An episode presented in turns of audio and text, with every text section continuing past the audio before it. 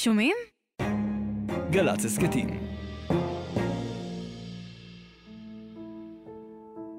התחקיר, הסכת העיתונות החוקרת של גל"צ ושומרים בהגשת רוני זינגר ועמית תומר.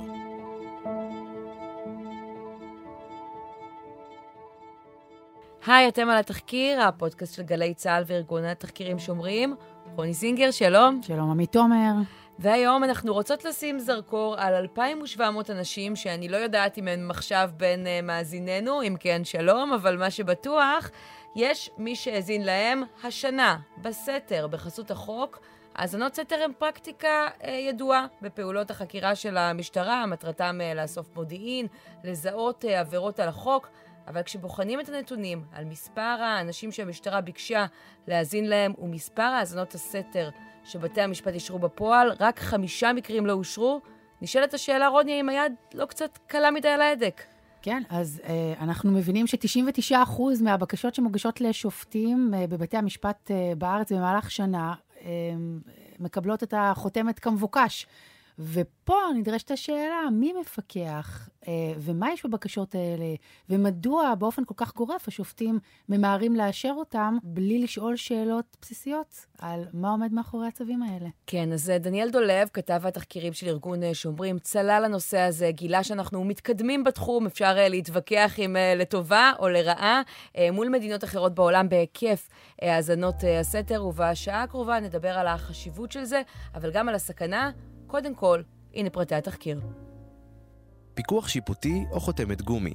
משטרת ישראל משתמשת בהאזנות סתר לאין שיעור יותר מאשר משטרות במדינות מערביות אחרות, כך לפי נתונים שהגיעו לידי שומרים. המשטרה טענה בעבר כי תחום האזנות הסתר הוא המפוקח והמבוקר ביותר, אך נתונים חדשים שנחשפו בוועדת החוקה שהתכנסה לאחרונה מראים אחרת. כשבשנת 2022 רק חמש מתוך למעלה מ-2,700 בקשות לא אושרו. עיתונאי שומרים דניאל דולב צלל לנתונים וניסה להבין לעומק את מאחורי הקלעים של הפגיעה בזכות לפרטיות, איך מתנהל הפיקוח על האזנות הסתר במדינות מערביות שונות, וכיצד ההבדל החמקמק בין צו להאזנת סתר לבין צו חיפוש מאפשר למשטרה לפעול כמעט ללא הגבלה. בפרק הזה של התחקיר נדבר על היעדר פיקוח וביקורת שיפוטית ועל ההתנגשות בין הזכות לפרטיות לבין האינטרסים המשטרתיים-משפטיים. אז דניאל דולב, עיתונאי שומרים, אתה עכשיו איתנו באולפן, שלום. אהלן. ספר לנו מה הוביל אותך לצלול לסיפור הזה. אז באמת אה, בתחילת שנה שעברה התפוצצה, אם אתם זוכרים, ברעש גדול פרשת פגסוס בכלכליסט, שחשף אה, שימוש ברוגלה מאוד מאוד פוגענית, שבעצם לוקחת את כל הטלפון שלנו אה, ומעבירה אותו לידי המשטרה. איך אפשר לשכוח? לא ימים שקמנו כל בוקר לעוד שער בעיתון, שבו הרגשנו ב-1984 גרסת המציאות. ממש ככה. בעצם השימוש ברוגלה בפגסוס, בין אם הוא משונמך ובין אם אין לו את כל היכולות שלו, הוא בעצם סוג של האזנת סתר מבחינת מערכת המשפט, המשטרה, הצווים שנדרשים. ואז התחלנו להתעסק בצווים הכלליים של האזנת סתר, זאת אומרת, כמה מהדברים האלה קורים, ומה שראינו אותי לפחות די זעזע, אה, וזה שמשטרת ישראל משתמשת בהאזנות סתר לאין שיעור הרבה יותר מארצות הברית, מאוסטרליה, מבריטניה. יש עליה הרבה פחות פיקוח פרלמנטרי ממה שיש על אה, רשויות החוק באותן מדינות. כשאנחנו, כאילו, הראש שלנו בפגסוס, אנחנו שוכחים שגם האזנה רגילה היא כלי סופר פוגעני. תחשבו על זה אתם, שמישהו מאזין לשיחות שלכם, יכול לקרוא את ההודעות שלכם, יכול לפעמים אפילו, מה שנקרא האזנת נפח, פשוט לשמוע את הטלפון של, אה, של מה שקורה מסביבכם. כשאתם לא בשיחה עם מישהו, פשוט להשתמש בו כמו מיקרופון. מבחינת אה, פגיעה בפרטיות, קשה לחשוב על פגיעה יותר חמורה מזה. לצד כל זה, הדבר הזה הוא לפעמים כלי הכרחי במאבק בפשיעה החמורה. בין אם זה תיקים של ארגוני סמים, של ארגוני פשע, לפעמים תיקי רצח לא פעם נפתרים בהאזנות סתר, או קשה לחשוב, ורוני, אה, יש לה יותר ניסיון והיא תוכל להגיד את זה, אין תיק רציני שאין בו האזנות סתר היום. כי, כי אני חייבת לומר שלצד אה, באמת אה, שיח חשוב על פגיעה בפרטיות של אנשים, בסוף אני באמת חושבת על התיקים הגדולים ביותר שיצא לי לטפל בהם ולסקר אותם, ואני לא זוכרת תיק בלי האזנות סתר. אז רוני, בוא נלך אולי רגע צעד אחורה, ותנסו להסביר למאזינים שלנו מה נותן האזנות הסתר. כלומר, איזה מידע זה מאפשר לקבל שאי אפשר לקבל בדרך אחרת. אני מסתכל למשל בשנת 2020 על רשימת סוגי העבירות של, שלהם דרשה המשטרה האזנות סתר וקיבלה. Mm. 1,500 תיקי אמל"ח, 480 תיקי סמים, 480 תיקי שוחד, מרמה, סחיטה והלבנת הון. וכו' וכו' וכו', 350 תיקי רצח, ניסיון רצח והריגה. זאת אומרת, הדברים האלה הם כן התיקים אה, החמורים ביותר, והדברים האלה בעצם הם הדברים שמאפשרים למשטרה להבין את השיח של העבריינים בינם לבין עצמם באופן ישיר, ובלי להסתמך על עד שהמניעים שלו מפוקפקים והאמינות שלו היא בדרך כלל מפוקפקת, אין לך שום דרך אחרת לחדור לשיח בין עבריינים. כן, ואפרופו החדירה לשיח בין עבריינים, אחת הדוגמאות לתועלת שהאזנת סתר יכולה להביא, אפשר למצוא בפרשת 512, התיק הבלתי נשכח שבמרכזו, כזכור, ניצב יצחק אברג'יל. בשנת 2019 הפרקליטות הציגה הקלטה של שיחת טלפון בין uh, אברג'יל לבין אחד ממקורביו, ולטענתה הוא קורא שם לא לתקוע ברקס ולהמשיך בניסיונות החיסול של העבריין זאב רוזנשטיין. בואו נשמע את הקטע. מה לא? אריק, כרגע התקשרו אליך מהטלפון הרגיל, התקשרנו מטלפון אחר, הבנת? תחליף את המספרים. כן. אז ככה שהטלפון שלך גם הרוס. אה, בסדר, אז אני מוכר להביא לך מספר חדש, אה, היום תשמע, אבל אל תעצור את ההמשכיות עם החברים של ההוא, של הקרחת. הבנת? כן, אל כן. תיתן לו ברק. אני בדיוק חשבתי על זה. אה, רגיל. רגיל. אוקיי. אני בדיוק חשבתי על זה. כן, ביי משם, ביי. ביי.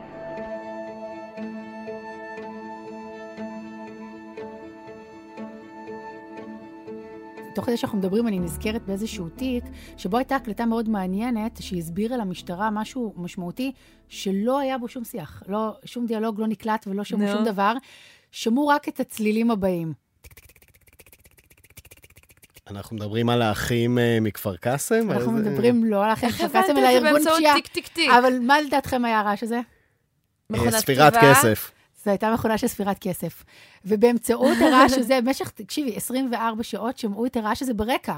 אנשים נכנסו ויצאו ושמעו את הטיק טיק טיק טיק טיק הזה, והמשטרה הבינה שהמקום שבו היא עשתה, הציבה בעצם האזנת נפח, הוא המקום המקום. שבו, והם הבינו את, מש, כמות הכסף שזרמה בארגון הפשיעה הזה. זה אנקדוטה קטנה, זה כמובן לא הוגש כשום דבר משמעותי לבית משפט. וזה גם בצלילים, מאפשר, כן. צריך להגיד, לנהל חקירה מבלי שהנחקר ידע שמנהלים חקירה אודותיו. אני אוכל לתת דוגמה אחרת מהעבודה העיתונאית אה, שלי. ממש שבועיים לפני שמשה חוגג נעצר, הייתי אצלו בבית ופגשתי אותו לראיון על כל הפרשות, אחרי אה, באמת הרבה זמן שהוא אה, סירב לדבר על זה. זה היה אז עוד פרשות אזרחיות, לא פליליות, ובאיזשהו שלב אנחנו אה, יושבים אצלו באחד החדרים, עוד בשיחה אה, שלא לציטוט, והוא אומר לי, אה, אני לא מבין אה, מה, מה הבעיה. אם אה, אה, יש אה, חשדות נגדי, אם יש דברים, איפה המשטרה? למה הם לא מגיעים? עכשיו, בדיעבד, באותו הזמן, יושבת המשטרה ושומעת אותי ואת משה וחוגג מדברים, ואותו צוחק על המשטרה שלא עושה שום דבר, אבל זה אפשר לו להיות אדיש. אה, לא להיזהר כנראה אה, במלוא הזהירות, כמו שהיה יודע שהוא תחת אה, חקירה. ובעצם, דניאל, אם אני חוזרת לסיפור שלנו, אתה בוחר לצלול לתופעה הזאת, ואז מה אתה עושה? אז uh, בעצם uh, המקום הראשון שהלכתי אליו היה הפעיל חופש המידע גיא זומר, שבמקרה קיבל, uh, הוא, הוא הגיש בקשת חופש מידע לקבל נתונים על כל הבקשות במעמד צד אחד שנידונו בבתי המשפט בשנים האחרונות. בקשה לצו האזנת סתר, כמו לצו חיפוש, כמו לצו חדירה למחשב, הם כמעט כמעט תמיד במעמד צד אחד, כי מן הסתם אתה לא יכול שהעורך דין של הצד השני יהיה שם ויתנגד, כי, כי אז אתה מסכל את כל המטרה של האזנת הסתר. אז זה משהו שנמצאים שם אה, נציגי המשטרה והשופט, והוא מאשר להם. הם מבקשים, אנחנו רוצים להאזין לכך וכך במשך חודש, בחשדות כאלה, הראיות שמצדיקים את זה הם כאלה. חשוב רק לעשות את ההבחנה בין אה, שני סוגי אה, צווים שונים. יש צו להאזנה בין אנשים, ויש צו בין מחשבים, שזה מה שהפך להיות uh, סיפור פגסוס, ואני מבדילה בין שני הדברים האלה, משום שהמשטרה לא מוסרת לנו את המידע כמה מכלל הצווים זה האזנה בין אנשים, וכמה מכלל הצווים זו האזנה של תוכנה למשיכת מידע מתוך ויותר מזה, מחשב. כמה מהצווים הם האזנת נפח בכלל, שזה לשים כן. מיקרופון באמצע חדר כן. ולהקשיב לכל כן. מי שנמצא זה, שם. לא, זה נתון שלא ידוע. האזנת נפח, רק אה, אולי ככה נבהיר את ההגדרות, זה לשים בעצם מיקרופון במקום מסוים ולהקשיב לכל מה כן. להאזין שקורה למקום בו. ולא לקו מסוים. ולעומת זאת יש האזנה שהיא לאדם מסוים, אה, ספציפית. כן, ויש האזנה, שהיא- זאת אומרת, חוק האזנות סתר מתיר ל- להאזין במרכאות גם לתקשורת בין מחשבים, שזה למשל לקרוא התכתבויות בין אנשים, מסרונים. אז את כל ההבדל בין הנתונים האלה אתה לא מקבל, אתה מקבל את השורה התחתונה, את המספר של כמה האזנות סתר בוצעו כן. בעצם במסגרת כמה צווים? התבקשו, כמה. ומה שגיא עוד נתן לנו, את הצווי החיפוש, ש... שהם כוללים בתוכם גם uh, צווים של uh, חיפוש פיזי, צריך להגיע למישהו ולחפש סמים בבית, Mm-hmm. אבל גם את הצווים של חדירה לחומר מחשב, שזה למשל לבוא לטלפון של מישהו ולשאוב את התוכן שלו. שם זה, החלוקה היא מאוד גסה, כי אני אפילו לא יודע באופן רשמי מהנתונים להבדיל בין צו חיפוש פיזי לצו חדירה למחשב. אני כן יודע להגיד שמדובר במספרים עצומים, מדובר בערך ב-65 אלף צווים כאלה בשנה, וואו. אה, שמתוכם, לפי גורם שמתעסק בתחום, אה, אמר לי לאחרונה שבערך טיפה יותר מ-20 אלף זה צווים של אה, חדירה לחומר מחשב או לטלפון. הדבר זה הכי חשוב... בנוסף להאזנות הסתר, כן, לאותם זה בנוסף, זה 2,700 מקרים 2,000, שהזכרת. אגב, 2,700 זה ירידה מהשנים האחרונות, כנראה בגלל הפסקת השימוש בפגסוס כן. ובכלים דומים, בעקבות התפוצצות הפרשה. ומה שאנחנו רואים, שכמעט כל הבקשות האלה, בין אם זה האזנות סתר ובין אם זה צווי חיפוש, כמעט, כמעט, כמעט כולן מאושרות. אנחנו מדברים על אחוזים של 98, 99 אחוז, בהאזנות סתר אפילו יותר מזה. מה שאנחנו לא רואים זה איך הן מאושרות. זאת אומרת, אנחנו לא יודעים להגיד האם המשטרה אכן קיבלה את כל מה שהיא ביקשה. אם ביקשה להאזין חודש, צמצמו לשבועיים, אם ביקשה להאזין לעשרה קווים ואישרו לה אחד. זאת אומרת, אנחנו רואים האם משהו אושר, אנחנו כן, לא יכולים לראות אבל מה. למה? כי יש חסיונות? הם מקבלים חיסיון ממשרד לביטחון פנים על הדבר הזה? כי אתם רואים את הדיווחים בעצמכם, מדובר על דיווחים מאוד מאוד כוללניים של uh, כמה צווים התבקשו וכמה צווים uh, ניתנו, לאיזה סוגי עבירות, ובמקרה של uh, צווי חיפוש אפילו לא את זה. אז אנחנו יודעים שקיבלו את עמדת המשטרה, אנחנו לא יודעים עד כמה קיבלו בדיוק. אותה. אה, בואו נצרף לנו עכשיו את האיש אה, עם הנתונים, גיא זומר, שלום. שלום, שלום, נעים מאוד. אתה פעיל חופש מידע, תסביר לנו קודם כל אולי מה זה אומר. חופש מידע זה שם כולל לזכות שיש לציבור, אה, בכלל, לאו דווקא משפטנים או עורכי דין, אה, לקבל מידע מהרשויות הציבוריות במדינת ישראל, מרשויות מקומיות, משרדי ממשלה, וגם אה, משטרת ישראל, בתי המשפט וגופים אה, רבים נוספים. במילים הרשויות- פחות מנומסות, אתה חופר להם ומציק להם, וככה פונה לכל הערכאות האפשריות של מי שלא רוצה לחשוף את המידע שהוא אה, אמור אה, לחשוף בתור גוף אה, ציבורי בצורה שקופה, עד שהמידע מגיע לידיך. אני צודקת? כן, נכון. בדרך כלל אף אחד לא עונה לך בכלל לבקשות, ואם עונים אז בדרך כלל אה, דוחים אותם ומסרבים למסור, זה השגרה שלנו, ובאמת בגלל זה רוב ההליכים, אה, לצערנו, מגיעים למצב שהם צריכים אה, מענה מבית המשפט, שיכריע כן. בסוגיה. תספר לנו איך נראה התהליך. בתור התחלה אתה, אני מניחה, פונה, בתור אזרח מן השורה הוא פשוט מבקש את הנתונים האלה? כן, אז האמת שזה היה משהו יותר רחב, בעצם אה, סביב פרויקט תולעת המשפט ניסינו לחקור קצת אה, את הנושא של ערעורים וגילינו שאחוז מאוד גבוה מההליכים המשפטיים חסויים. וניסינו קודם כל להבין מה היקף ההליכים החסויים במדינת ישראל, זאת אומרת הליכים שלמרות עיקרון פומביות הדיון, אין לאף אחד מושג מה קרה בהם, כמה הליכים כאלה יש, מי דן בהם, איך הם הסתיימו ואין בעצם אה, מושג מכלום. וביקשתי את אה, רשימת התיקים שלא פומביים באתר נט המשפט, שהוא האתר המרכזי שמנגיש אה, תיקים משפטיים. כמובן בלי שום פרטים מזהים, לא מדובר שם על שמות של אנשים, לא שום פרט מזהה, ובאמת הבקשה הזאת נדחתה די מהר בהנהלת בתי המשפט, בגלל כל מיני טיעונים מאוד מוזרים, שאחד מהם כלל פרטיות, למרות שכולם הסכימו שאין שם מידע שמזהה על אנשים. התיק הזה באמת הגשתי עליו עתירה. העתירה התקבלה, הם חויבו למסור את המידע, רק שהנהלת בתי המשפט לא חשבו שהם כפופים לבית המשפט, ולכן הם פשוט לא מסרו את המידע שבית המשפט הורה להם למסור. למה? באיזה נימוק? שמה? הם החליטו שהם אה, הגיעו למסקנה שבעצם אה, פסק הדין אה, לא נכון ולא מתאים. מקסים, נשמע כל כך לא אקטואלי. בית המשפט הורה להם, הורה להם שהם צריכים אה, ל- לתת את החומר, אבל הם החליטו שבית המשפט לא לא מספיק יודע. כן. תופתעו כמה זה קורה. כמה זמן כן, זה לקח, כל ההשתלשלות הזאת? מהרגע שאתה מבקש את החומר לראשונה ועד שהוא מגיע. לידיך? בערך שנתיים, שגם היום המידע הגיע מאוד מבולגן, זה היה מלא קבצי אקסל, שאתה צריך לקוות שהחיבור שלהם באמת נותן את אה, תמונת המצב המלאה, ואני פותח את זה ואני מתחיל לצלול ומנסה להבין מה יש ומה אין, ובאמת אה, אחד התחומים אה, הבעייתיים זה באופן כללי תיקים שבהם בעצם יש רק צד אחד.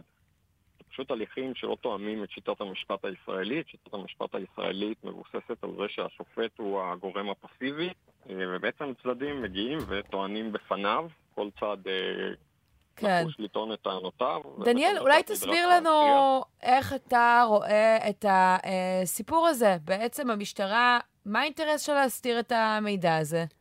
אז האינטרס, כמו שדיברנו על זה קודם, זה שזה סוג של צווים שבהם, כמו שגיא אומר, זה מאוד חריג, שאין לנו שני צדדים שטוענים בפני שופט, אבל במקרים האלה זה פשוט אי אפשר אחרת. אתה לא יכול להזמין את עורך הדין של העבריין, שעוד לא יודע בכלל שהוא חשוד, כדי שינמק למה זה פגיעה גדולה מדי להאזין לו ואסור לעשות את זה. זאת אומרת, כי זה להגיד לעבריין, אנחנו עכשיו מאזינים לך לקו למשך 30 הימים הקרובים, בהצלחה. כן.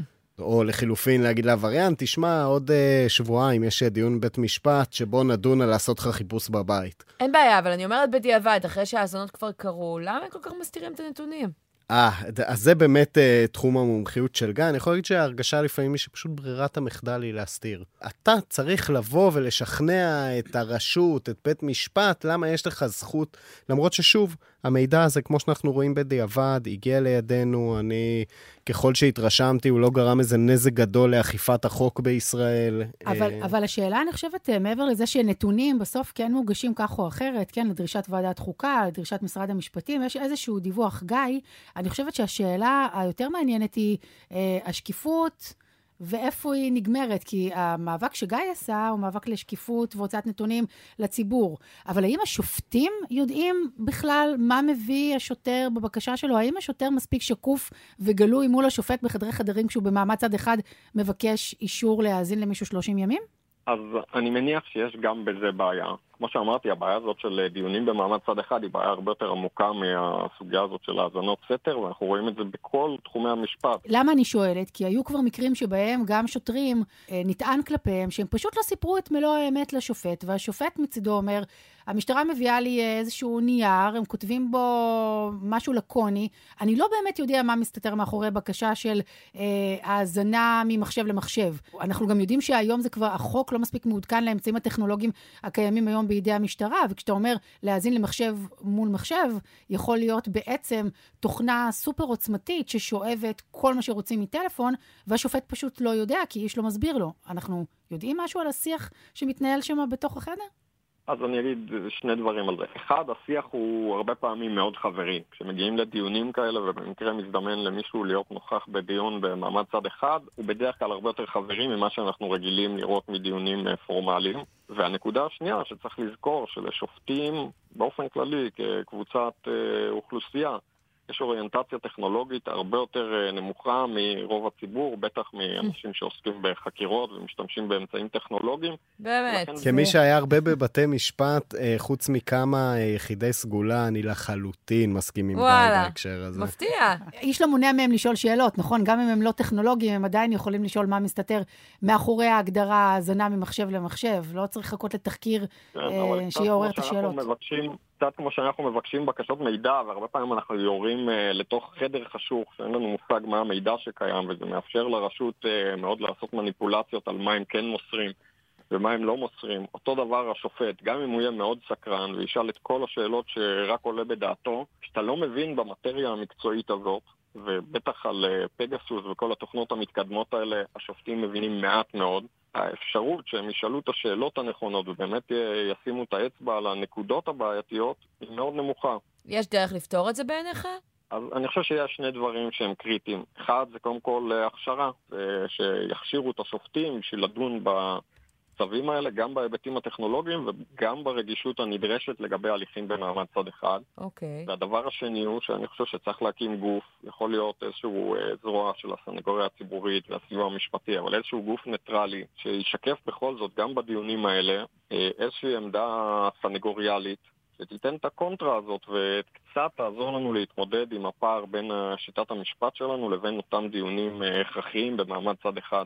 כן. גיא זומר, פעיל חופש מידע, תודה רבה לך על השיחה הזאת. בשמחה, היה לי נעים מאוד. ודניאל, בואו נתרחק טיפה מהביצה שלנו, קח אותנו לעולם, הפתרונות האפשריים, אולי האלה שגיא אה, מזכיר, או אחרים, הם דברים שמיושמים שם, איך מתמודדים שם עם הסוגיה הזאת? אז באמת מה שגיא הזכיר בסוף הדברים שלו, זה משהו שקיים למשל בבריטניה, אה, אני לא בטוח אם בהקשר של האזנות סתר, אבל כן בהקשר של מעצרים מינהליים, ששם יש... אה, מה שנקרא עורך דין מיוחד, שהוא כאילו עורך הדין של, ה...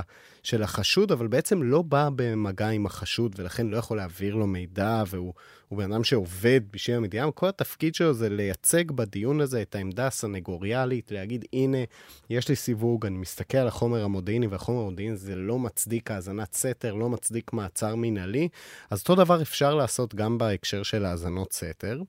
פתרון אחר, ש, שממש אה, ראינו אותו והשתמשנו בו בהכנת הכתבה הזאת, זה פשוט שיהיה יותר פיקוח בדיעבד. בואו, אני, אני רוצה לספר לכם על תיק, בסדר? Mm. תיק מקליפורניה. Uh, התיק הזה הוא תיק רצח, uh, אושרה בו האזנת סתר להאזנת נפח, מה שנקרא. 20 יום ההאזנה הזו פעלה. כמה אנשים אתם חושבות האזינו להם? שניים. שניים. עמית? אני הייתי אומרת יותר, שישה, שבעה. זאת אומרת, לא כמה אנשים היו היעד, כמה אנשים נקלטו בפועל בהאזנה. אה, אפילו יותר, עשרות. כלומר, יעד אחד, כן, עשרות. התשובה היא 630. וואו. כמה עלתה למשלם המיסים האמריקאי ההרפתקה הזו של 20 ימים? היא עלתה 87 אלף דולר בכוח אדם. יש לה תוצרים גם? כן, אני רואה שהתוצרים שלהם אפס מעצרים, אפס uh, כתבי אישום ואפס הרשעות. רגע, מה זה אני רואה? איפה בדיוק, מאיפה אתה שואב את הנתונים האלה? או, על התיק אז אני, אה, אין לי מקור ברשויות, אני אגלה פה שאין לי מקורות ברשויות האכיפה בקליפורניה, זה פשוט uh, דוח של uh, מדי שנה מתפרסם uh, בהנהלת בתי המשפט האמריקאית, mm. שבעצם נותן לנו לדעת על כל האזנת סתר, את הדברים האלה, כמה הייתה, איזה שופט אישר אותה, מי היה התובע, איזה סוג ההאזנה בדיוק. דיברנו קודם על זה שאצלנו אי אפשר לדעת אז את, אתם רואים פה כמה מידע יש לנו. עכשיו, זה לא לנו, זאת אומרת, פיקוח ציבורי הוא כמובן חשוב, אבל גם לקונגרס, כשהוא דן בהאזנות סתר, הוא יכול להגיד, רגע, סליחה, אם שמענו פה שיחות של 630 איש, ואגב, לא בחרתי את, הכי, את השורה עם הכי הרבה אנשים מספרים. שנקלטו בטבלה, ו- וזה הניב אפס מעצרים ואפס כתבי אישום, אז אולי אנחנו, לא היה מקום לאשר את ההאזנה הזאת. אז זו השאלה הבאה שלי, האם בעצם במקומות שבהם אנחנו רואים את השקיפות הזאת, אתה רואה שמבחינה סטטיסטית, מבחינת המספרים, יש גם פחות האזנות סתר, או במילים אחרות אני שואלת, האם עצם השקיפות גורם למשטרה לחשוב פעמיים לפני שהם מאזינים לחשוד כזה או אחר. או, או לייצר אה, האזנות סתר אפקטיביות יותר. כן. אז אני לא יודע להגיד אם זה מה שגורם להם לחשוב פעמיים. אני חושב שאולי זה איזו תפיסה יותר כוללת של פרטיות, שמצד אחד אה, מביאה לפיקוח מוגבר על הכלי הפוגעני הזה. אני רוצה להגיד לכם רגע את המספרים של צווי האזנות סתר למיליון נפש. בארצות הברית, אה, לכל מיליון נפש בשנת 2019, היו 22 צווי האזנת סתר. אוקיי. בבריטניה כבר היו 46, זה יותר מכפול. Mm-hmm. באוסטרליה היו 147, ובישראל היו 424. וואו. עכשיו... בוא נגיד, הסבירות שמאזינים לך היא גבוהה יותר מלזכות בלוטו, לדעתי? היא הרבה יותר גבוהה, אה, אבל אני אומר, הסבירות שמאזינים לך בישראל היא פי 20 יותר גבוהה מהסבירות שמאזינים לך בארצות הברית. כשאתה אומר מאזינים לך, זה מאזינים לטלפון הפרטי שלך, שאולי תיקלע לשיחה כמו שאני נקלעתי עם אותו משה חוגג לא, לצורך העניין? לא, שמאזינים לך, שמאזינים לך. אנחנו מדברים על צו, זאת אומרת, צו ניתן ליעד מסוים. אה, או לכמה יעדים. הבנתי, כלומר, זה לא כולל את כל תופעות הלוואי במרכאות. שאנחנו לא יודעים להגיד בישראל כמה הם, כי באמת, כן. הפיקוח פה בדיעבד רק אומר לנו כמה בקשות, כמה מהם התקבלו ובאיזה עבירות. אה, אנחנו לא יודעים להגיד האם ההאזנות האלה היו אפקטיביות בסוף. אנחנו לא יודעים להגיד כמה אנשים נקלטו עכשיו בדוח אני לא זוכר אם זה הבריטי או האוסטרלי, יש עוד נתון מדהים, כי זה היה סוג של עבודת מחקר קצת יותר מקיפה. מה אחוז הטעויות? מה אחוז הטעויות שלמשל רצו להאזין למישהו, המאזין בעמדת ההאזנה הקליט בטעות אה, ספרה לא נכונה. במשך יום האזינו למישהו שבכלל לא התכוונו להאזין לו עד שקלטו את הטעות. אוי. זה דברים שקורים, בסוף יש גורם אנושי שמזין את המספרים, וצריך להזין את המספר הנכון, וקורה שהוא טועה. אז בישראל כמובן אין לנו מושג אם זה קרה. כן, אז אה, בואו נצרף אלינו אה, עכשיו את אה, עורך הדין גיל שפירא. מנהל המחלקה לייצוג אסירים בסנגוריה, מי שמכיר את כל הנושא הזה מקרוב. שלום. שלום וברכה. אז אתה שומע את הנתונים שמביא דניאל אה, בעולם לעומת אה, אצלנו. ישראל מובילה אה, בתחום האזנות אה, הסתר. זה מחמאה או שזה דווקא תעודת אה, עניות בשבילנו? לא, תלוי איך מסתכלים על זה. אני חושב שעצם השימוש בהאזנות סתר אה, היום הוא דבר שרוב המדינות אה, מכירות בחיוניות שלו, ולצורכי חקירה ולצורכי מאבק והתמודדות. בגלל זה אני שואלת. השאלה, השאלה, השאלה איך עושים את זה, השאלה איך מבקרים את זה, והשאלה איך מפקחים על זה ומוודאים שהשימוש באמצעי הכל כך פוגעני הזה ייעשה באמת רק באותם מקרים שבהם זה הכרחי. איך עושים את זה בישראל? אנחנו, אנחנו אה, די מתקשים אה, לענות על השאלה הזו, ולו מן הטעם שהדיווחים בישראל הם מאוד אה, לקוניים. דניאל התייחס קודם למתכונת הדיווחים שאנחנו מכירים היטב מהעולם, לרבות המתכונת המאוד מפורטת שיש בחוק האמריקאי, שמכוחה בכל שנה מתפרסם דוח מפורט מאוד, שכולל התייחסויות כמעט לכל הפרמטרים האפשריים, למעט כאלו שבאמת חושפים שיטות ואמצעים או שעלולים לפגוע בחקירות, אבל יש הרבה מאוד מידע בהקשר הזה, שבארץ אנחנו לא יודעים אותו. אין שום פיקוח על הדבר הזה. אגב, לא פיקוח אה, שיפוטי וגם לא פיקוח פרלמנטרי, ולו מן הטעם אמ. שהנתונים האלה לא נחשפים. אבל אתם בסנגוריה, אני מניחה, נתקלים בלא מעט מקרים של תיקים שהיו מעורבים בהם מהאזנות סתר, אז יש לך אולי איזושהי תמונת מצב מהשטח. העניין הוא שכמובן שאנחנו נתקלים במקרים שבהם מוגש אה, כתב אישום, אנחנו לא יודעים בכמה מקרים בסופו של דבר לא, לא, האזנת הסתר לא הניבה ממצאים מפליאים ולכן לא הוגש כתב אישום, אנחנו לא יודעים כמה מקרים כאלה יש. ולכן אה, קשה מאוד לענות על השאלה הזו. אני כן יכול לומר שבכל מקרה שבו, שבו מבוצעת האזנת סתר, בהגדרה יש פגיעה ב, אה, מעבר לאדם אחד, מעבר לאותו חשוד שעליו אה, מתבצעת האזנת סתר ושלשם ההאזנה לא ניתן הצו. תן לי דוגמה, מקלטים... תן לי אולי דוגמה מתיק שהתעסקתם בו, שזה גרם נזק לאדם אחר. הנזק נגרם מעצם ההאזנה, ואם רוצים לדעת על מקרים שבהם נגרם נזק, אין צורך לשאול אותנו. די ללכת לדוח מבקר המדינה, אה, די ללכת לפרשות אה, כמו אה, פרש, פרשת מזרחי מלפני שנים, או פרשת רמון, מקרים שבהם הוכח שהתברר מעבר לכל ספק סביר שהאזנות הסתר בוצעו באופן פוגעני ובאופן פוגעני יתר על המידה, ושאכן נפגעו זכויות. הפעם האחרונה שנבדקה האפקטיביות של האזנות סתר זה דוח מבקר המדינה, אמנם כבר חלפו לא מעט שנים, לדעתי קרוב ל-15 שנה, אבל באותה תקופה, באותה ביקורת שמבקר המדינה נמצא, שמתוך האזנות הסתר, מעט מאוד מהן הניבו ממצאים הפליליים והגיעו לכתבי אישום אה, אה, מרשיעים, ורוב האזנות הסתר אה, בוצעו מבלי שבסופו של דבר הם הניבו את אותם ממצאים שלשמם ניתנו הצווים. חשוב לזכור שמדובר בסמכות מאוד מאוד פוגענית ומאוד פולשנית לפרטיותם של הרבה מאוד אנשים, והדבר הזה צריך לעמוד לנגד עינינו כל הזמן, גם כשנותנים את הצווים האלו, ובעיקר כשמפקחים עליהם או שאמורים לפקח עליהם. שזה בעצם הדגש העיקרי, נכון, הפיקוח. כי הרי אין לנו בכלל, אני חושבת, מחלוקת. אני חושבת בראש על מקרים שבהם, אני זוכרת תקלטות uh, של uh, עבריינים, ראשי ארגון פשע, שנקלטו, מדברים על רצח כזה או אחר, מדברים על מטען שעומד להתפוצץ. דברים שבאמת הרימו דגל אדום משמעותי למשטרה, שידעה לעשות פעילות זריזה ומהירה כדי לעצור אירוע, או כדי לעצור מיד אחר כך את מי שהיו מעורבים בו. אז האירועים עצמם uh, שנקלטים בהאזנת הסתר חשובים. הפיקוח בעצם, או היעדר הפיקוח, או הפיקוח המספיק, הוא-הוא הבעיה, לא ההאזנה, אלא איך מטפלים בה? אני חושב שזה בדיוק סוג של מעגל, משום שבהיעדר פיקוח אה, מספק, אנחנו לא יודעים האם אכן כל ההאזנות הצדיקו את עצמן. ולכן אנחנו לא יודעים אם באמת בכל ההאזנות אכן עלו ממצאים, כפי שאת מתארת, ממצאים שחשפו איזושהי התארגנות של אה, פשיעה או תכנון לבצע עבירה. וחשוב גם לזכור שהחוק מחייב את המשטרה לבקש האזנת סתר רק במקרים שבהם מדובר באמת בחשד לביצועו של פשע חמור, לא מדובר בכל עבירה. והעובדה שמדובר באלפי מקרים מדי שנה שבהם המשטרה מבקשת להשתמש בכלי הזה, היא עובדה מטרידה כשאנחנו רואים את הנתונים מעבר לים. כן. אה, לסיום, אה, עורך דין שפירא, אני כן מנסה עוד פעם לקחת אותך לדוגמאות, כי אני חושבת שבאמת למאזינים שלנו ככה חשוב להבין מעבר לכותרת של הפגיעה בפרטיות. איך אה, זה בא לידי ביטוי. נתקלת פעם באיזשהו אה, מקרה שבו אפילו אה, בדיעבד, מה שנקרא, הבנת שהייתה האזנת סתר בתיק, והבנת שזה גרם לאיזשהו תשלום מחיר? בכל מקום שבו יש האזנת סתר יש מחיר. המחיר הוא פגיעה בפרטיות של, אה, של אנשים, המחיר הוא חשיפה של דברים שאדם לא מצפה שהם אה, ייחשפו. ולפעמים יש לזה השלכות, כן, לפעמים אם זה, אם זה עניינים שקשורים לצנעת הפרט, דברים שקשורים לסכסוכים משפחתיים, עניינים מאוד, עניינים רפואיים וכדומה, הדברים האלו ברגע שנמצאת האזנת סתר, הכל גלוי, הכל חשוף. הדבר הזה יכול גם לשמש אחר כך כאיזשהו אמצעי לחץ.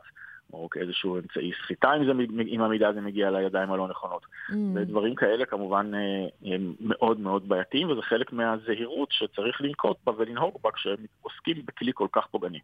אוקיי, okay, עורך הדין גיל שפירא, מנהל המחלקה לייצוג אסירים בסנגוריה הציבורית, תודה רבה לך ששוחחת איתנו. תודה רבה, יום טוב. אני רוצה להתחבר לסוף של השיחה עם uh, עורך דין שפירא, ולהיזכר בעצמי בכ- בכל כך הרבה תיקים שבהם uh, האזנות סתר הגיעו אליי ככתבת שמסקרת uh, סיפורים שונים. בסופו mm. של דבר, החומר, כשהוא מוגש לבית המשפט, הוא מגיע גם לצד השני, כלומר לנאשם.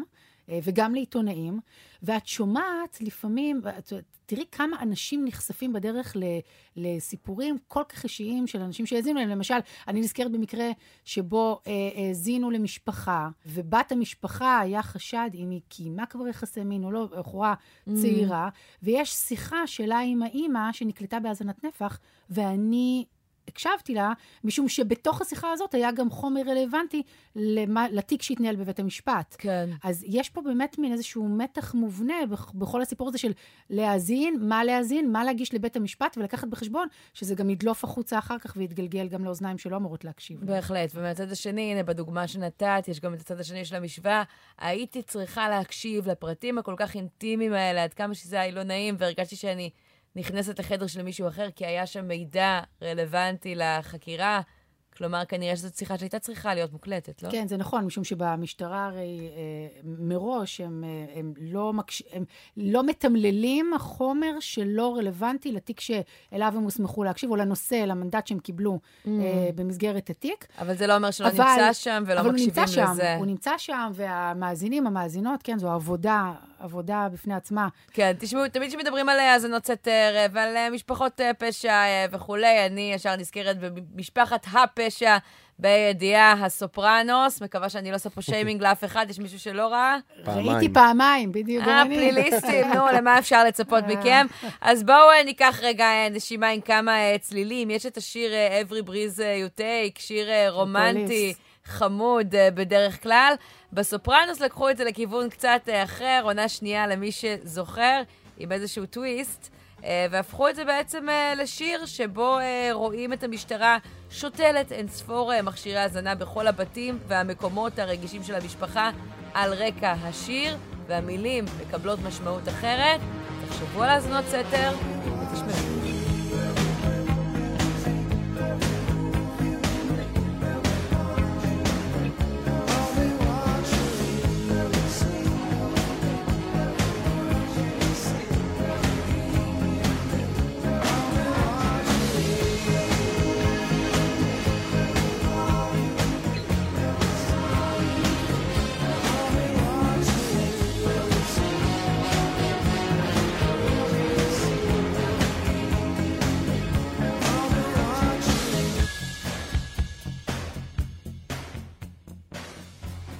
ואגב, אה, אני אמרתי קודם אה, שיר רומנטי, שמענו את המוזיקה ותיקנת אותי שיר סטוקרי. כן, כי זה שיר שמדבר בסוף על גבר שעוקב אחרי הבת זוג שלו צמוד צמוד, נושף, נושם, נושף בעורפה, ומי יודע איך זה ייגמר בסוף. כן, יש בזה משהו, רציתי להגיד שאין לנו אותו טעם בבחורים, אבל... אה, או בשירים, אני יודעת. או כן. בשירים. אז בואו נעבור לצד של המאזינים, ככה, אנשים שהיו שם ומכירים אולי גם את החשיבות של זה מתוך המערכת. חיים מפרגן איתנו על הקו עכשיו, שלום. שלום, צהריים טובים. תענץ בדימוס, כיהנת כסגן ראש אגף החקירות והמודיעין אה, במשטרה. והיה ראש יחב"ל. אז אתה ככה, אני מניחה, היית אחראי ללא מעט אה, האזנות סתר, נכון? כן, במהלך השירות השתמשנו בהאזנות סתר לצורך אה, פענוע פשעים ועוד. מה מוביל אותך לקחת את הכלי הזה מארגז הכלים? לחוקר או לצוות חקירה יש בארגז כלים הרבה מאוד כלים מגוונים. והוא תמיד בוחר את הכלי שהוא הכי אפקטיבי והכי מתאים לאותו, לאותו, לאותו אירוע, לאותה חקירה. ברור ששימוש בהאזנות סתר זה כלי שפוגע מאוד בפרטיות של האדם, ומשתמשים בו בעבירות מסוג פשע חמור ועוד במקרים מסוימים. ולכן השימוש בו הוא לא, הוא לא, לא תמיד משתמשים בו, אלא רק במקום שיש לנו יכולת אפקטיבית לאסוף ראיות.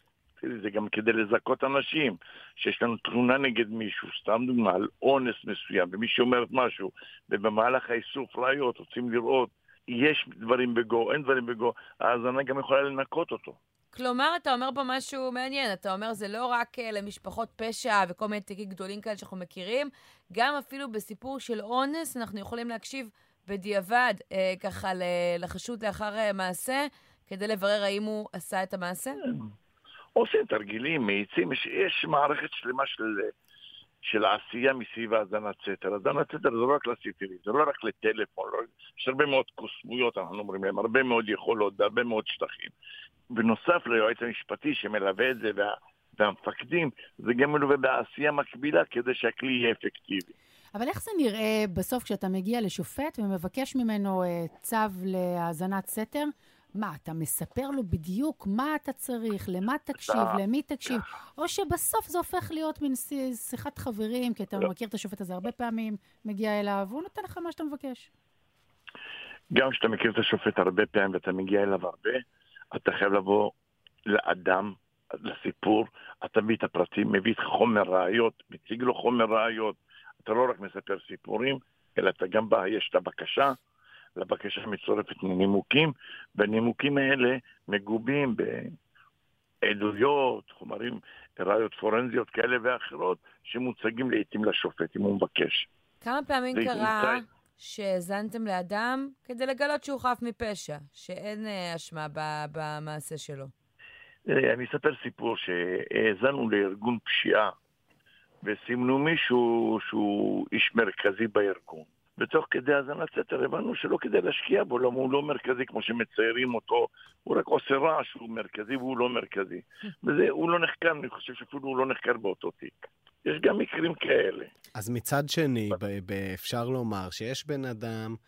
אתה יודע, במקרה הזה הוא היה כנראה עם איזושהי נגיעה לארגון פשיעה, לפעמים אפילו זה לא כן, מישהו שנתת קודם דוגמה של אונס. אז יש בן אדם, תפלו עליו האשמה, עכשיו גם האזנתם לו, והוא צריך להגיד תודה שבסוף לא הגישו נגדו כתב אישום על מה שהוא לא עשה. זאת אומרת, במקרים האלה הפגיעה בפרק... לא. בפרטיות היא הכי קשה. לא, אז אני חושב, אני חושב שצריך לקחת את זה בפרופורציות הנכונות. סתם כמו, כמו הדוגמה שנתתי, התקבל מודיעין רב על אדם מסוים שהוא חלק מרכזי בארגון פשיעה. אם לא היו מאזינים לו, הוא היה נעצר, נחקר, מובא לבית משפט, מעריכים לו מעצר, ואולי האמת הייתה מתגלה אחרי שבועיים מעצר, שלושה שבועות מעצר. הכלי הזה חסך את המעצר שלו ואת החקירה שלו. תחשוב על זה ככה, שבכלי הזה, עכשיו הכלי הזה הוא חסוי, החומר לא ידוע לכולם. יש מעט מאוד אנשים שאומרים את החומרים האלה, רק מי שמורשה לראות את החומרים האלה, וזה עוזר לו מה עדיף להיות עצור ולהיחקר, בסוף יתברר שאנשים הפלילו עליו עלילה.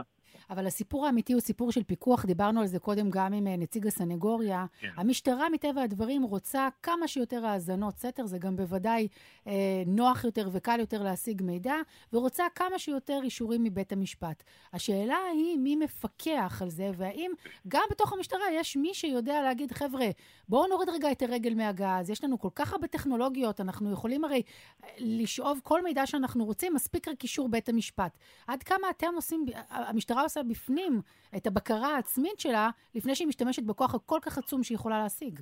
אני אחלק את זה לשניים ברשותך. האזנת סתר, כמו שזה, זה רק לעבירות מסוימות ולאירועים מסוימים. צו האזנת סתר עובר, ומישהו שאל אותי פעם, הייתי באחד הרעיונות, אני לא זוכר, למה יש באיזה שנה מסוימת היה שני סירובים, בית משפט סירב רק לשני צווים. כן. זאת אומרת, כאילו, מישהו, אפשר להסתכל על זה בשני היבטים. פעם אחת, שכאילו בית משפט חותמת גומי. כן. גם בשנה האחרונה, אגב, סירב לחמישה. אבל מהצד השני להסתכל שהמשטרה מאוד מאוד מאוד מקצועית, מאוד מאוד מאוד עושה את העבודה שלה נאמנה, מאוד מאוד מאוד עוברים את זה במסננת מאוד מאוד מאוד מדויקת, בכל מקרה נבחן לגופו של עניין ובוחרים את כל ההיבטים, ככה שלבית משפט קשה מאוד לסרב. זאת אומרת ש... סתם אני אתן, אתן את התהליך של הוצאת צו. Mm. הוצאת צו, החוקר רואה שזה כן כלי שהוא יכול להשתמש בו, פונה לאנליסטים, עושים בחינה של כלל החומר, עושים את החומר, הולכים למפקד, המפקד בודק את זה, אם הוא ממליץ שכן, עולה למעלה, אז זה מגיע ליועץ המשפטי שבוחן את זה, למפקד יחידת האזנות סתר, או ליחידה הטכנולוגית הנוגעת בדבר. כל אחד בודק את כל האפקטים, ובסוף, אם מחליטים שכן באים לבית משפט, אחרי שזה עבר מסננת מאוד מאוד מאוד מאוד ביקורתית ובקרה מאוד ועכשיו גם... אבל הנה, נגיד בפרשה כמו פגסוס, כשכן בדקו את הדברים לעומק בגלל הסערה הציבורית שהתעוררה, כשצללו לעומקו של הדבר, גילו שגם המשטרה עשתה טעויות. תראי, אני יודע שאני מכיר את פגסוס, מכיר את היכולות של פגסוס, ואני יודע שהשימוש נעשה במשורה על ידי פיקוח מאוד מאוד מאוד מדויק ועל ידי זה שכל אירוע נבחן לגופו של עניין ועד שקיבל את האישורים המתאימים מכלל הגורמים. מעניין, כי היה ויכוח, כי היה ויכוח בכלל האם בית המשפט, עד, עד כמה הוא מבין בכלל מה זה אומר שימוש בתוכנת פגסוס, גם כשנעשה בה שימוש במשורה. אז uh, אני אגיד, זה אחד מנקודה שהלך לבית משפט. כשהייתי בא לבית משפט, הייתי אומר שאני עושה האזנת סתר, איזה האזנה אני עושה ומה אני מבקש לעשות. למה טלפונים זה לא הכל בעולם. והייתי מסביר בבית משפט, אם היה לו ספק, הוא היה שואל שאלות. כן. תגיד, שאלות, השאלות, הוא שאל אותך, סליחה, רצית לתת דוגמה. כמו מה? מה בית משפט שאל אותך? דוגמה, איך אתה נכנס ליעד לשים את מה שאתה רוצה לשים. אה. כן. הייתי אומר לו, הוא לא שאל אותי איזה סוג מיקרופון או איזה, על איזה כמה אתה מעביר את התקשור, הוא לא שאל אותי שאלות טכנולוגיות. כן, טוב, אז אולי בית, חלק מהסיפור זה גם שבית המשפט ידע איזה שאלות uh, לשאול ולא שואל uh, היום. אני מאמין תגיד... שהוא יודע, השופט שואל, הוא רוצה להבין אם במקרה שעומד בפניו, הכלי שאני מבקש, הפגיעה בפרטיות מול טובת הציבור, מה עדיף. כן. כן. תגיד, לסיום, אנחנו רואים אה, ככה בשנה האחרונה ירידה של מספר האזנות אה, די אה, משמעותית, כמה עשרות אחוזים, זה מגיע גם אחרי אותה פרשת פגסוס. אתה חושב שאולי המשטרה כן משנה את דרכיה, אולי מקפידה יותר על האם ומתי אה, להשתמש בכלי הזה של האזנות סתר, לבחור אותו מארגז הכלים בעקבות ההתפוצצות של הפרשה הזאת, או שיש אולי הסבר אחר לשיטתך? כמו שאת יודעת, היום איפה אתה בבית, ואני בא לדבר איתך, זה בערך מה שאנשים אומרים, משתדלים לא לדבר בטלפון, נכון? Mm. כולם. גם זאת סיבה שיכול, אני לא יודע, תראי, אני לא הייתי שם, אבל יכול להיות, אני מאמין שיש מספר גורמים ששינו, מזה שהמשטרה עסוקה בהפרות סדר ואין לה זמן לחקירות, ועד שינוי סטטיקה, או שיש כלים אחרים, הכל יכול להיות, הכל על השולחן. אני לא יכול להצביע על גורם אחד, אני לא חושב שיש גורם אחד. במילים אחרות, אין פה איזה ניסיון מכוון, לדעתך, של המשטרה לשנות את דרכיה. היא צריכה לשנות את דרכיה, אני חושב שהיא עושה עבודת קודש. מעולה. אוקיי, חיים מפרגן, תנ"צ בדימוס, כיהנת כסגן ראש אגף החקירות והמודיעין במשטרה, גם ראש יחב"ל. תודה רבה לך שדיברת איתנו. תודה. המשך יום טוב. דניאל, עם איזה תחושות ככה אתה יוצא מהשיחה הזאת, שהיא די מנוגדת לשיחה הקודמת ששמענו מהסנגוריה? כלומר, שני הצדדים אומרים, יש חשיבות טבעי. מסוימת להאזנות הסתר, אבל אני חושבת שרואים שבמשטרה מפליגים בה מעל ומעבר לסנגוריה, כן, באופן טבעי, אה, אבל גם באופן שמעלה סימן שאלה אם משהו באמת אמור להשתנות, עומד אז, להשתנות. אז זהו, זה בדיוק ההבדל. ההבדל בין uh, אמור להשתנות להאם הוא ישתנה, כי אם uh, המשטרה לא מבינה בכלל שיש פה בעיה ולא חושבת שיש פה בעיה, אז בוודאי שיהיה קשה לשנות. עכשיו תראי, לפני שנה ה-FBI הודה שהוא רכש גם תוכנת פגסוס, הוא רכש אותה לצורכי uh, מחקר, ולא עשה בה שימוש באף תיק. הוא אמר את זה, אפשר גם uh, לוודא את זה לפי סוג הרישיון. Mm-hmm. Uh, אז הנה, אז ארצות הברית הגדולה, ה-FBI, יכול להתמודד עם פשיעה חמורה גם בלי פגסוס כן, אבל כשאנחנו אומרים פגסוס, זה, זה הפך, זה, זה לא בהכרח שם קוד, כי הרי ורינט וסלברייט, נכון. ועוד אלף ואחד שמות לא, נוספים. לא, בסלברייט משתמשים עושים, המון, זה כלי קצת סלברייט, אחר. אבל גם ו... שם אתה בסוף מושך מידע מתוך uh, טלפונים. אבל לא בחשאי. רק נגיד לא תוכנות. נוספות. אלה תוכנות נוספות, אין, ו- ויש עוד, לפחות עוד חמש... כן. חברות נוספות שעושות דברים דומים, זה לא רק פגסוס. אז האם ה-FBI יכול להסתדר שוב בלי התוכנה, ה, נקרא לזה, הפורצת דרך הזאת, שאפשר להשתיל אותה כביכול יותר בקלות? אז כן. אולי גם אנחנו יכולים, אני אוקיי. לא יודע. אוקיי. אז אנחנו לא נוציא אתכם, אה, מה שנקרא, רק עם אה, סימני שאלה. ננסה להביא גם איזשהו פתרון לאיך דברים יכולים להיראות פה אה, אחרת, תוך שמירה על הכלי הזה של האזנות הסתר. איתנו השפוט בדימוס, דוד חשין, שלום. כן, דוד חשין. דוד חשין. אה, אז אתה מכיר את זה לעומק? ספר לנו איך זה נראה מהעיניים שלך.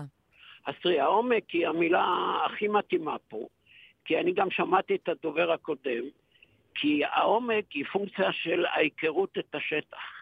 השאלה מה הסיפור לשופט, מבחינת, אני מדבר עכשיו, האמצעים הטכנולוגיים שעומדים לרשות המשטרה, ומהם היכולות ואיך בקשת הצו מסבירה את זה. כי מה שקורה, אני חייב לומר לך, אף אחד אף פעם לא סיפר לי, כנשיא או כסגן נשיא, שישנו מכשיר כזה שנקרא פגסוס או משהו דומה, לא חשוב לי השם. Mm.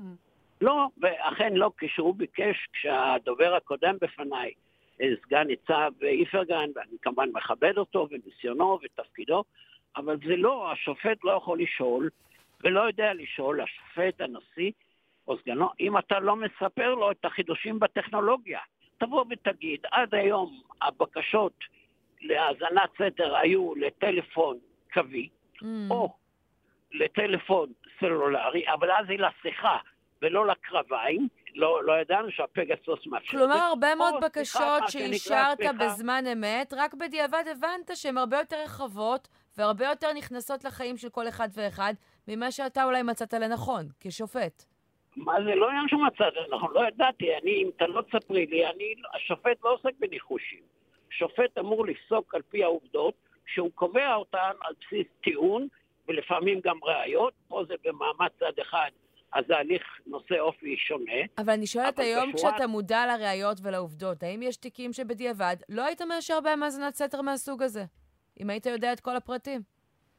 אני חייב לומר שהייתי מבקש לראות מהי האסמכתה של המבקשים, של המשטרה, באיזה, על איזה חוק הם מסתמכים, כשהם מבקשים לא רק לבצע האזנה באוזניים, אלא לעשות חדירה לקרביים של כל מה שהמכשיר הקטן הזה, ששנינו מודעים לו, שהוא נקרא אייפון או mm. שם אחר, ויש שם לפעמים כל ההיסטוריה של האדם, כל העדפות שלו וכל החברים וכל מיני כיוצא באלה, וכל זה במסווה של האזנת סתר. עכשיו צריך להבין, אני לא הייתי ממהר לאפשר את זה, אם לא הייתי משתכנע שיש סמכות לכך.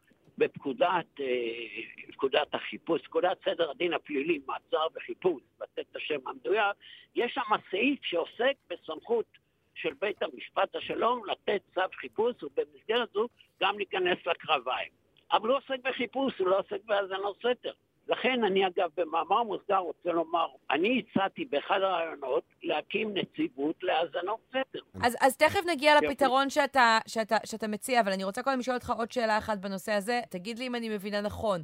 אתה בעצם אומר שהמון מקרים, או לא מעט מקרים, שאתה שפטת לגביהם, קיבלת החלטה, בדיעבד המשטרה הלכה רחוק מדי בהם, והפרטיות של אזרחים חפים מפשע או בעלי אשמה נפגעה שלא לצורך. תראי, תמיד בכל צו חיפוש יש מי שנפגע שלא לצורך, אבל הצורך נובע מהוראת החוק ומהצורך להילחם בעבריינות, ואינני מקל ראש בזה. אבל אני עושה הבחנה בין צווים שאני נותן ויש לי סמכות להם, ואני יודע במה מדובר, לבין אני רגיל, התחלתי להגיד ולא סיימתי שם, יש אמצעי שלישי שנקרא האזנת מיקרופון או האזנת נפח. זאת אומרת, השלושת הקטגוריות שאני הכרתי זה האזנה לטלפון קווי, האזנה לטלפון סלולרי, אבל תשימי לב, האזנה לשיחה, לא חפירה בקרביים. והשלישי זה האזנת מיקרופון. ולכן אלה נתתי, כי זה היה בסמכות, ואגב, רוב, רוב הבקשות שהוגשו לי, שיהיה ברור, אישרתי אותן. לא לאשר, פירוש הדבר לאפשר לפשע להתבצע בלי שהמשטרה תוכל להיות במקום, ולסכל את זה. אה, אני, אה, אז כן. אני, אני ממשיכה בעצם ממה שאתה אה, אומר, ואתה גם הגעת עם איזושהי הצעה, וכתבת אותה גם באחד המאמרים שלך, על כך שיש צורך בהקמת נציבות, או איזשהו גורם כן. מפקח כן. שיסדיר את העניין הזה. כי צריך לתת את הדעת, לא מספיק שאלה שעוסקים בהאזנת סתר במשטרה מודעים לטכנולוגיה החדשה, אבל אני אומר, המינימום שנדרש זה איזה ראש אחד מלמעלה, שידאג לעדכן את כל השוטרים, כל אלה שעוסקים בהאזנות סתר, ואת הנשיאים וסגני הנשיאים של המחוזי, שיבינו שיש מישהו חדש בשכונה, והוא מחייב טיפול ייחודי, ובית המשפט צריך לשקול, כי יכול להיות למשל השופט לגבי צו בהאזנה כזאת של פגסוס יגיד, אני משאיר לכם, מתיר לכם להאזין, אבל מתיר לכם רק להאזין, כן. ולא להיכנס לכל מיני uh, התכתבויות, או כן התכתבויות, אבל ספציפיות מאוד, שיש בהן חשד, uh, uh, איך אומרים, רוקמים בסתר עבירת קשר לביצוע עבירה. אז את ההצעה הזאת אז... שלך, שבעצם בראש הנציבות יעמוד שופט מחוזי בדימוס לפחות, והוא או נציגים מטעמו נכון. יופיעו לכל בקשה להאזנת סתר שתוגש למשטרה, ויגנו בעצם גם על הזכות לפרטיות. מה הסיכוי שזה יקרה לדעתך? לא, הסיכוי קטן, כי, כי המערכת בנויה כך, ואני חלילה שוב לא רוצה לומר משהו שעלול להתפרש כפגיעה, בוודאי שלא. למערכת יש את העדיפויות והקדימויות שלו. אני לא יודע עד כמה הקדימות של ההגנה על הפרטיות שלך ושל אזרחים אחרים עומדת בראש המערכת ובראש מעניהם, ואני רוצה רק לתת דוגמה מהדברים שאמר סגן ניצב איפרגן. יש עכשיו המחאות, המשטרה עסוקה בלפזר הפגנות, או אני לא משהו ברוח הזאת, ולא בטוח שיש להם זמן לחשוב על אה, שיפור דרכי ההאזנה והבקשות כן. תוך האיזון היפה בין הצורך בלחימה בפשע לבין הגנה על הפרטיות, שהיא הזכות הכי חשובה מבחינת זכויות הפרט, שמופיעה כזכות בחוק יסוד כבוד האדם וחירותו, זכות חוקתית. אז מה שאני בא ואומר, למה אני אומר תמנו מישהו? תהיה אחד שידאג לעניין הזה גם כשיש מחאות. כן. השופט בדימוס דוד חשין... זה רק שולי, זה לא הסיבה העיקרית. זו דוגמה אחת אקטואלית. שכל מערך האזנות הסתר צריך לעשות שדרוג. כן. תודה רבה לך על הדברים החשובים האלה, ונראה לי שהשורה התחתונה שלו, זאת גם השורה התחתונה שאני לפחות באופן אישי יוצאת איתה מהשעה האחרונה הזאת. ההגנה על פרטיות אזרחים, אומר השופט בדימוס חשין, לא עומדת בראש מעייניהם, ובסוגיות כל כך נפיצות, פליליות, לפעמים זה באמת לא הדבר הכי חשוב. לפעמים...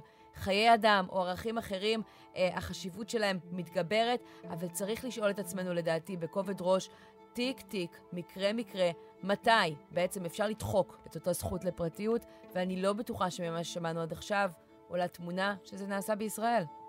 כן, לגמרי, כי באמת אה, זה נכון, כולנו רוצים שהמשטרה תסכל פשיעה, אגב, כולנו רוצים גם ששב"כ והצבא יסכלו טרור, ובכלל דיברנו על כל האזנות לטרור, נשאר רגע עם פשיעה, אנחנו כמובן רוצים שזה יקרה, אבל בסוף אי אפשר להגיד, אם אנחנו רוצים לסכל פשיעה, אז כל הזכויות האחרות אה, ניגפות.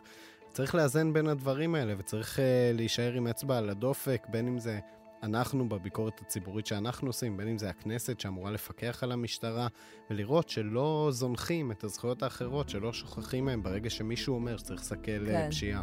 רוני, ש... שורת סיכום שלך. שהפתרון הוא באמת להקים איזשהו אה, גוף, גורם, שיעשה פיקוח אה, אובייקטיבי עד כמה שניתן על ההליכים האלה, אבל אנחנו נמצאים בתקופה שבה צמד המילים שומר סף, שומרי סף היא קצת בעייתית, וזה בדיוק מקרה של אה, שמירת סף.